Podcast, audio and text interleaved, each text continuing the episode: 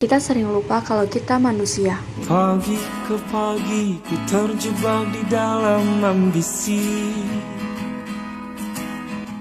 Seperti orang-orang Kita sering memaksakan diri untuk melakukan apa saja, padahal dengan begitu bisa jadi kita terluka. Banyak hal yang terpaksa dilakukan, namun berakhir menyakitkan, dan akhirnya menyalahkan keadaan. Seolah pikiran sudah lupa bahwa kita yang terlalu memaksa, berlaga sang raksasa yang bisa melakukan apa saja.